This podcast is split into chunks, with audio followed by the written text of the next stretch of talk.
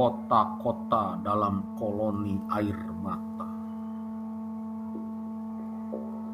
Hujan menepi pada dinding beton, rumah-rumah yang menyekap ingatan tentang rasa sakit.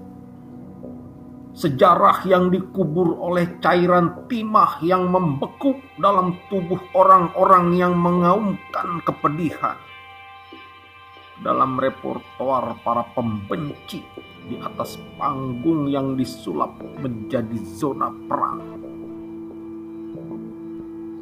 Para penjaga malam negeri ini menjerit kesakitan, mencabut luka satu demi satu reruntuhan peradaban yang telah asing.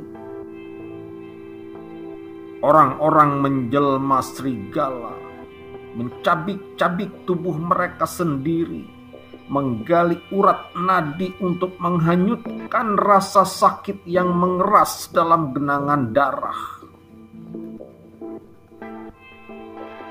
Mereka berbaris membentuk pasukan burung, berarak di atas langit yang robek oleh desingan peluru.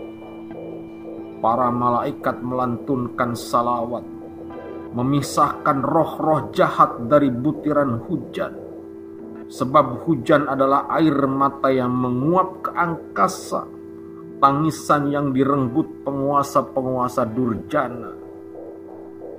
Kota-kota kini dalam koloni air mata dan kabut dan dingin yang menebal di setiap persendian Orang-orang bergegas memburu bayangan langit yang runtuh menjadi percikan api.